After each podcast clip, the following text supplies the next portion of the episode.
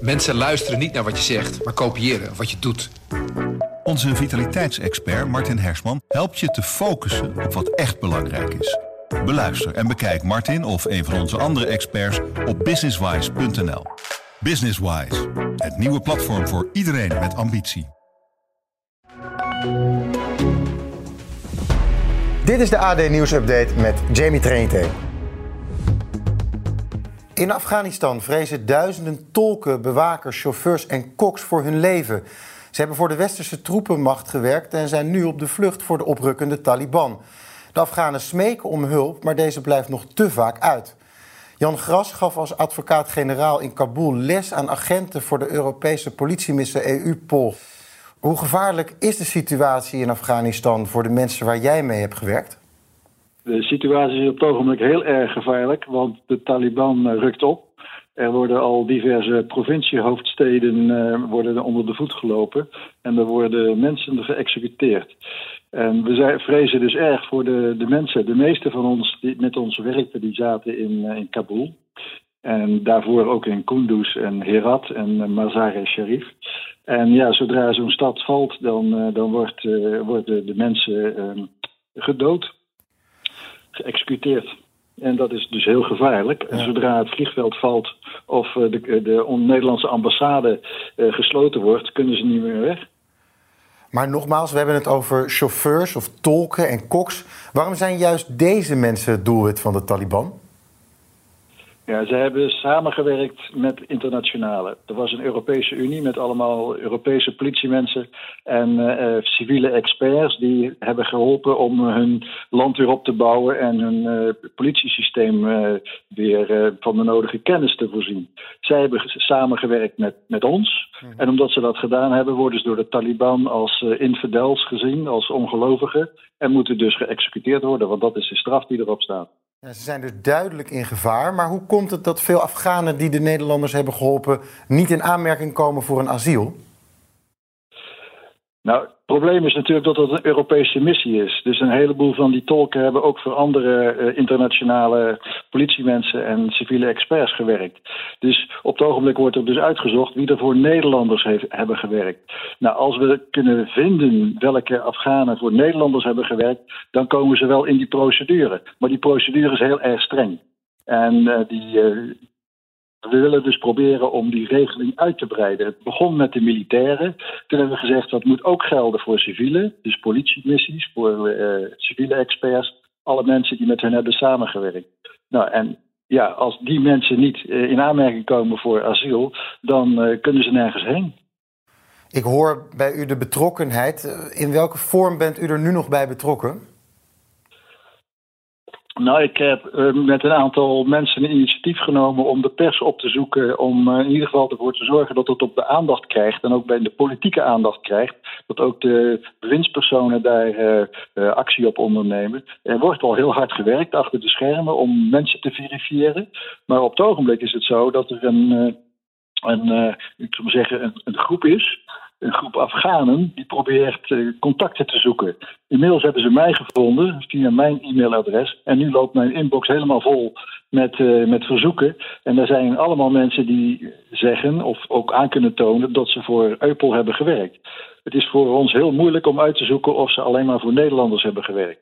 En ik ben van mening dat dat op het ogenblik niet zo belangrijk is als ze maar wegkomen. Uh, andere landen die uh, moeten ook meehelpen. Andere landen zijn daarmee bezig, maar ja, het loopt allemaal veel te langzaam, die procedure. En wat moet er dan concreet gebeuren om dit zo snel mogelijk te laten verlopen? Wat, wie, wie en wat moet er in actie komen? Ja, ik denk de Nederlandse regering via de ambassade van, uh, van uh, Nederland in Kabul moet nu proberen zoveel mogelijk mensen die voor Eupol hebben gewerkt, die uh, contract hebben, om ze daar weg te krijgen. En het uitzoeken of zij nou precies voor Nederlanders hebben gewerkt of voor andere Europese politiemensen of civiele experts, dat moet dan maar later uitgezocht worden. Die mensen lopen nu straks het gevaar om geëxecuteerd te worden. Het dodelijke Marburg-virus is opgedoken in het West-Afrikaanse Guinea. Viroloog Ab Oosterhuis werkte aan het Nederlandse protocol voor het Marburg-virus. Ab, hoe zorgwekkend is deze uitbraak? Nou, deze uitbra uitbraak is natuurlijk voor Guinea heel erg zorgwekkend. Het is een, een heel vervelend virus, een broertje of zusje van het ebola-virus. Uh, de kans dat wij hier in Nederland op dit moment daarmee te maken krijgen, is natuurlijk niet zo verschrikkelijk groot, omdat er toch heel weinig gereisd wordt naar Afrika op dit moment. En het, eigenlijk het enige geval wat we hier in Nederland gezien hebben, is al, uh, is al zo'n 15 jaar geleden geweest bij uh, inderdaad toeristen die naar een grot zijn geweest in, in Afrika ook, en daar zichzelf besmet hebben, mogelijk door contact te hebben met, uh, met ontlasting van, van vleermuizen. En dat is waar het virus vandaan komt waarschijnlijk. Ja, het kan een heel dodelijk virus zijn. Wat zijn precies de ja. symptomen?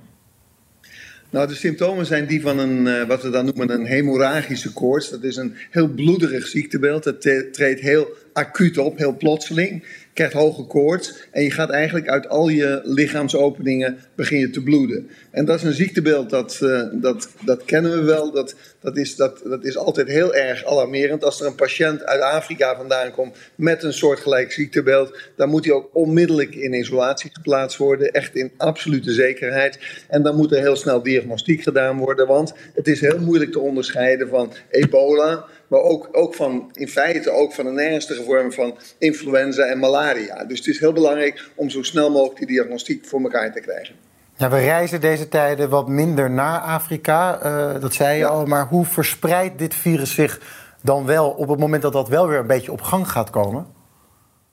Nou, het is misschien interessant om te zeggen dat het geval wat we in Nederland gehad hebben, dat, dat was dus bij een mevrouw die deel uitmaakte van een groepje wat daar naartoe geweest is. En van die groep is verder niemand besmet geraakt. We weten dat met name fysieke contacten met met, uh, met de vloeistoffen die uit het lichaam komen, uh, fysieke contacten, daarmee dus het aanraken en dan slijmvliezen aanraken, dat het virus zo overgaat. Het gaat niet makkelijk door de lucht over, bijvoorbeeld zoals dat voor influenza en COVID het geval is. Dus in feite gaat het met name om het aanraken van patiënten of het in contact komen met materiaal van patiënten. Ja, het is dus nog niet zo 1, 2, 3 in Nederland aan de ene kant. Aan de andere kant is er ook nog niet echt een goedgekeurd medicijn of vaccin. Is een verdere uitbraak nog wel in te dammen?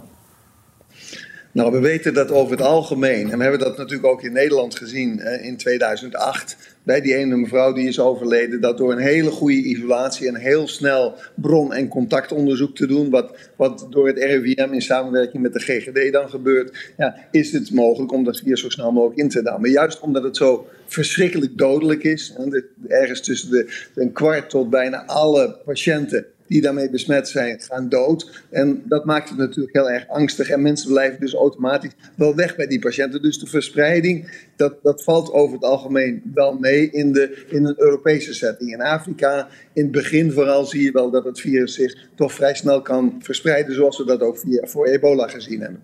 Ja, dus stel nog even tot slot. Er mocht ja. onverhoopt een geval in Nederland zijn. Wat is dan het protocol? Wat gebeurt er dan precies?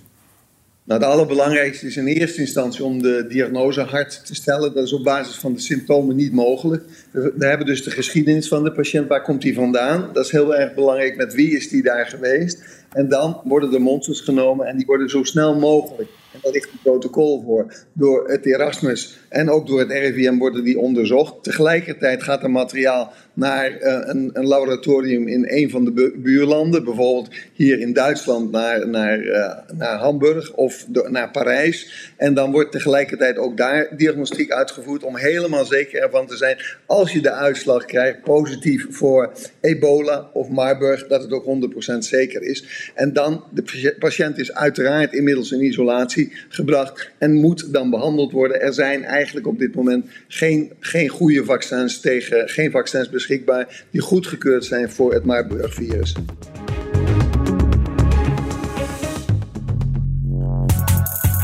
...146 dagen na de verkiezingen is er nog steeds geen zicht op een nieuw kabinet. En dat begint te wringen.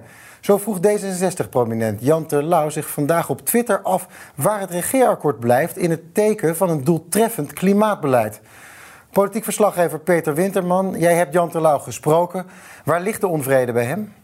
Ja, ik sprak hem inderdaad uh, vanochtend en hij vertelde mij dat die onvrede eigenlijk op twee punten zit. Hij vindt het heel gek dat er nu een stilte is rond de formatie. Het is uh, zomervakantie en eigenlijk hebben uh, de partijen die VVD en D66 hebben afgesproken om drie weken vakantie te houden. ze vonden dat ze daar wel recht op hadden, zeker naar het heel druk politiek jaar, ook met corona natuurlijk. Uh, maar Jan Terlouw die zegt er eigenlijk van ja, uh, in 1977, toen zat hij midden in een hele lange kabinetsformatie. Hij werd toen uh, vicepremier in die tijd. toen gingen wij gewoon door in de zomer. dus na die verkiezingen gewoon onderhandelen, ook in de zomer. Uh, zodat je zo snel mogelijk een nieuw kabinet hebt. Nou, nu ligt de boel dus uh, wekenlang stil. Dat vindt hij eigenlijk onbegrijpelijk. En het tweede punt van kritiek wat Jan Terlouw heeft, is dat, uh, de dat VVD en D66, zijn eigen partijen, D66, dat die op dit moment uh, samen bezig zijn om een concept-regeerakkoord te schrijven. Een eerste aanzet voor een regeerakkoord. Zonder andere partijen die daarbij betrokken zijn. En uh, ja, zoals je wel weet, uh, die twee partijen alleen hebben geen meerderheid in de Tweede Kamer.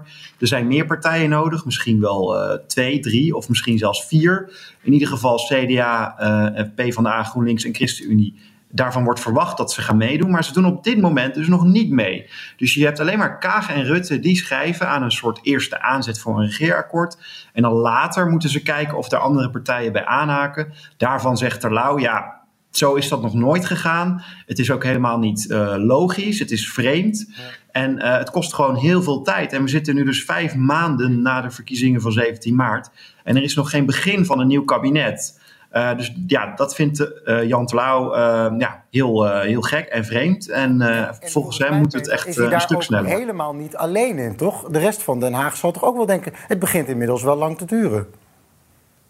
Ja, nou ja, je moet je ook bedenken... toen de verkiezingen net waren geweest in maart... toen riepen bijvoorbeeld Kaag en Rutte om het hardst van... laten we zorgen dat er voor de zomer al een nieuw kabinet zit. Nou ja, we zitten nu midden in de zomer er is nog geen begin van een nieuw kabinet, zoals ik net al zei. Dus ja, daar wordt in Den Haag zeker met scheve ogen naar gekeken. En men verwacht ook wel erg veel van de komende periode. Dat er wel vaart in komt. Want zoals het nu gaat, ja, duurt het erg lang. En vandaag bijvoorbeeld zijn er bij de koning drie nieuwe bewindspersonen beëdigd. Uh, die, gaan, uh, ja, die vervangen eigenlijk bewindspersonen die zijn uitgevallen vanwege een nieuwe baan, vanwege ziekte. Ja, dat, dat doe je. Uh, uh, dat doe je eigenlijk alleen als je weet dat het nog wel even gaat duren. Dus dat is eigenlijk geen goed teken voor die formatie. Toen het ooit uh, begon, net na de verkiezingen, toen zeiden ze van uh, we gaan het even heel snel regelen allemaal. Is er dan niet nu ook reden voor een, misschien een harde deadline? Een moment waarop we zeggen, dan moet het toch echt wel geregeld zijn? Ja, er zijn zeker mensen die dat uh, voorstellen, hebben voorgesteld. Die zeggen, doe een harde deadline, bijvoorbeeld op uh, 1 september, ik noem maar wat. En als, het dan, als je er dan niet uit bent, nieuwe verkiezingen. Maar dat is iets uh, wat ik niet, ik denk niet dat dat gaat gebeuren. Want ehm, er, zit hè, er zit beweging, het gaat heel langzaam. maar het gaat wel door. Als je kijkt naar bijvoorbeeld coronabeleid, daarop worden natuurlijk wel gewoon besluiten genomen door dit demissionaire kabinet. Dus het is niet dat het land stilstaat. Uh, en het is ook nog nooit eerder gebeurd hè, dat er nieuwe Tweede Kamerverkiezingen moesten komen omdat men er niet uitkwam. Dus ik denk ook niet dat dat nu gaat gebeuren. Nou, lekker uitgerust wordt er dan volgende week weer verder geformeerd. Kunnen we dan eindelijk een beetje vooruitgang verwachten, denk je?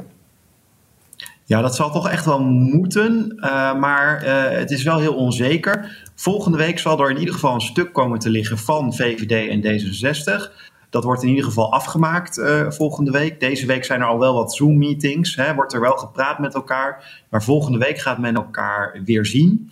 Dan moet dat stuk er komen. En dan gaat het helemaal afhangen van CDA, uh, PvdA, GroenLinks en ChristenUnie. Wat zij ervan vinden. Wopke Hoekstra is een, een sleutelfiguur. Net als uh, inderdaad Gertjan Segers. Dus ja, hoe, wat vinden zij van het stuk? Uh, gaan daar nieuwe maandenlange onderhandelingen volgen? Of kan het ook in een paar weken? Dat zijn de grote vragen die volgende, volgende week hopelijk uh, beantwoord kunnen worden.